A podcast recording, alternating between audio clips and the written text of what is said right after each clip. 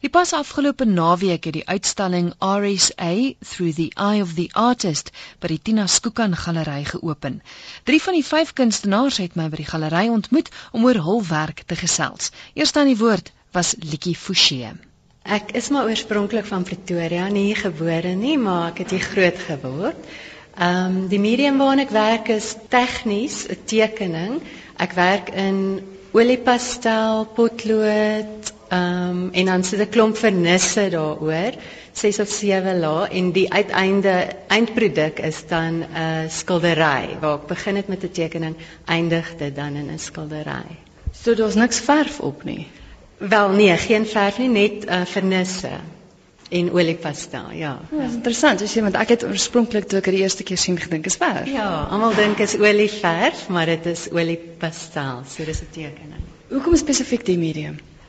Ehm um, ek het groot geword daarmee. Dit was my baie natuurlik om oor te gaan in oliepas of eintlik nog altyd gewerk in oliepastel van kleuterouderdom af. So dit voel net vir my, ek is baie tuis daarin en dit voel net vir my baie natuurlik. En dit mors nie vreeslik nie. Jy het nie 'n studio nodig om in te werk nie. Jy kan enige plek werk. Dit is nie soos terpentyn en olieverf en 'n groot gemors nie. So ek verkies dit is ook goedkoper, so kan my pryse dan ook laer hou. Ek wil eens 'n bietjie praat oor die tema. Die tema van die groepsuitstalling is is RSA through the eye of the artist. Shani luisteraars moet verduidelik of of die konsep van waar jou idee vandaan gekom het. My werk is altyd bestaan altyd uit landskappe. So ek het in hierdie uitstalling gebruik ek net Suid-Afrikaanse landskappe en elkeen het 'n klein magiese element in Ehm um, die doel daarmee is om nie net voor te stel wat jy met jou oë sien nie, maar ook wat jy voel wanneer jy na die landskap sou kyk. As ek dit moes kategoriseer, sou ek sê dit is 'n um, ehm, magiese realisme hierdie uitstalling. Ons staan nou na 'n klomp kleintjies en kyk en ek weet daar's een voor ook wat jy in heel party die Madonna en kind figure gebruik. Hoekom hoekom so? Wel baie keer as ek na 'n landskap kyk, dan voel ek iets heiligs daarin, 'n uh, geestelike ding en my manier om dan daai geestelikheid oor te dra is deur middel van 'n Madonna en 'n kind of iets geesteliks, soos byvoorbeeld 'n engel of so ook baie keer. Jy het gesê hoofsaaklik landskappe en hierdie gaan nou oor hoe jy Suid-Afrika sien. Is dit spesifieke landskappe van Suid-Afrika of of wat is die metode waarvolgens jy werk? Dit is spesifieke landskappe wat ek op plekke gekry het. Dis nie noodwendig 'n bekende landskap nie. Ek kan 'n foto neem in my agterplaas of so, maar ek stileer dit wel en dan soos ek gesê het, ek voeg 'n magiese element by. Ek hou ook daarvan om elemente uit verskillende tydseras bymekaar te voeg. Byvoorbeeld 'n Madonna en kind saam met 'n vreemde vleiende voorwerp of so iets. Die Madonna en kind kom uit die Byzantynse tydperk of uit 'n Byzantynse skildery of uit 'n Renaissance tydperk en die vreemde vleiende voorwerp kom dan uit die toekoms. Dis die kunstenaar Likie Fouchee wat so gesels. Charles van Lelyveld is 'n beeldhouer en hy verduidelik met watter tipe hout hy werk. Dit is hoofsaaklik uh, dryfhout wat ek by die see optel en bosveldhout wat ek in die bos optel. As jy 'n stuk hout sien, weet jy onmiddellik wat dit gaan word. Nee, want jy moet eers al die dooie hout uitwerk uit die uit die stuk hout en dan praat hy met jou en hy sê vir jou dis die vorm wat ek wil hê. En dan werk jy op daai tema. Dit kan by, baie keer byvoorbeeld uh, uh, menslike liggaam wees, dit kan 'n kop wees, dit kan 'n dier wees, enigiets en dan werk jy op daai vorm van die nadat jy al die dooie hout uitgewerk het. So jy kan eintlik sê daar's 'n tema in die hele ding. Ek het al baie dryfhout gesien, ons het self in ons eie huis ook. Is dit maklike hout om mee te werk? Dit lyk altyd ja, sag. Dit lyk baie keer sag, maar soos uh die see is geneig om daai hout hard te maak as hy in die rivier afkom en sy vir 6 weke uh, gemiddeld wat hy in die diepsee lê en dan kom die stroom en hy spoel hom uit op die see dan is daai sagte hout kliphard hoor. So ja, jy het baie keer gespesialiseerde masjiene nodig om in daai hout te werk vir alles wat harde hout is ook. Is nou deel van die tema through the eye of the artist. Hoe het jy die tema aangepas in jou werk? Hoe dit tot jou? Ek aanpas nie want wat ek sê elke elke stuk hout spreek tot jou en hy sê vir jou dis die vorm wat ek wil aanneem. Dit kan soos hierdie een hier voor 'n reptiel op die einde van die dag wees want hy het baie min dooie hout in hom gehad wat ek kon uitwerk. En uh al die ander stukke ook uh is baie dooie hout wat ek uitgehaal het en dan dan wys hy vir jou aan die einde van die dag dit is die vorm wat dit kan aanneem. Dit kan enige vorm aanneem. Ek wil ons moet gou-gou stap na die een hier aan die ander kant toe wat die vorm van 'n vrou is. Dit is donker hout. Dis die hierdie was 'n uitgebrande hartpuisboom gewees. En ek het hom daar afgesaag om hom uit die grond uit te kry en een van die takke het ek gelos wat nou 'n arm vorm. En hier kan jy mooi sien. Dis waar die boom uitgebrand het. Ja. Die hartpuishout is verskriklik hard en uh, maak nie saak hoe sterk die vuur is nie, hy brand nie na die hele boom uit nie.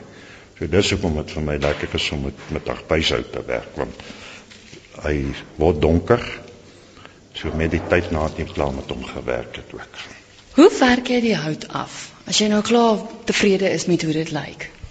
Ek skuur hom, dit is baie so 'n Engelse elbow grease wat jy in hom sit. Jy skuur eers met 'n grove skuurpapier en dan fyn skuurpapier en dan gebruik ek eh, 'n uh, antieke baks om dit nie af te werk. Jy kan ook voel aan die hout daar is hy's hy's lekker glad en dis die baks wat dit aan hom doen. Ek weet nie of dit noodwendig anders is met beeldhouwerke as met skilderye nie, maar voel dit nie vir jou soos jou kinders wat jy moet laat gaan as jy klaar is met hulle nie? Nee, eintlik nie. Weet jy, ek beskou dit as as as iemand een van die kunswerke koop, dan beskou ek dit as 'n uh, eet hulle hou van my werk en uh, ek laat dit banklik gaan. Dit is ek meen jy kan nie al die goed ou opgaar by die huis nie en uh, ek ek ek waardeer dit as iemand die dit ek beskou dit dat mense waardeer die werk wat ek doen aan dit. Maar was daar sommiges wat jy al gemaak het en gedink het die moet ja, ek hou? Ja, daar was van hulle gewees wat ek lank gehou het en toe besluit het nee, wat wat dit laat maar gaan. Want daar want die dinge sê begin opgaar en dan het jy nie meer plek om al die goed te stoor nie. Jou huis raak op vol van die goed so nee. Dit is my professie nou en uh ja, die goed moet verkoop word. So gesels die beeldhouer Charles van Lelyveld. Laastens het ek gesels met John Tapoeg. Hy's 'n fotograaf wat ook uitstal by die Tina Skokan Galery. I started taking photographs many years ago as a as a teenager. I used to go into bookshops and I used to see uh, the wonderful magazines and, and photographs in the magazines and I just took a, a very keen interest and then I in my trade I'm a photolithographer and I came across many well-known very very clever of uh, photographers, very very professional photographers, and they taught me the, the, the ins and outs of photography. And from a teenager, it's just grown over the years. It's always been a passion. Obviously, when I had family and children, I couldn't take photographs, building up a business. But um, uh, when I had the opportunity, uh, especially after I sold my business, I've spent many years now just taking photographs when I can. Baie mense reken fotos is nie noodwendig kuns nie. Maar deesdae dit het tog verander want jy kry baie gallerye waar fotos wel te sien is. Hoe voel jy oor oor die feit dat mense dink fotos is nie kuns nie? Well I I find uh, uh, because I'm not using my hand to paint, I'm using my eye to see the images and I spent a little bit of time in the dark room when I was younger working on the photographs in the dark room and the images that I saw and I wanted to reproduce them And as far as I'm concerned, if you're creative, it's art. Ons staan en kyk nou hierna van jou swart en wit werke.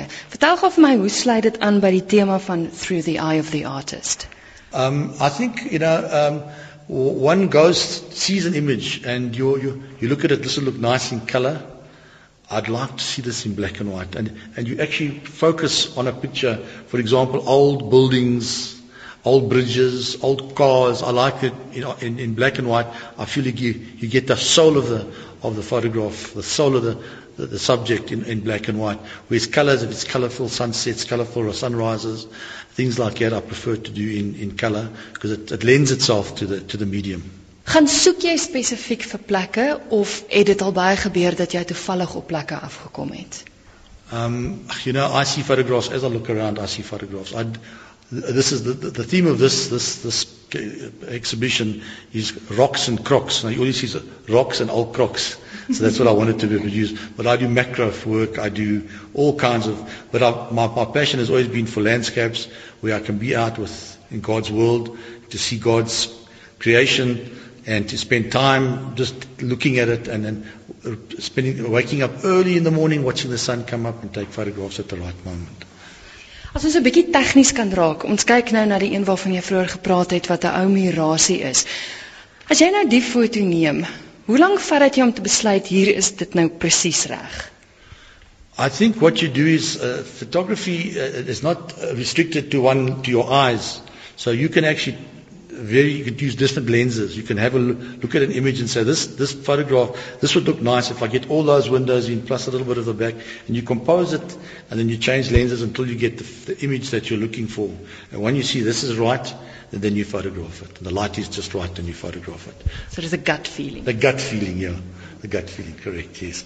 And that's it, you know, you just, you just see, the, see the, the, the life in the image. You must feel this, this is the right image at the moment that you're taking it. So gesels die fotograaf John Tapoeg. Die ander twee kunstenaars wat ook deel is van die uitstalling is Johan Kok en Michael Tefo.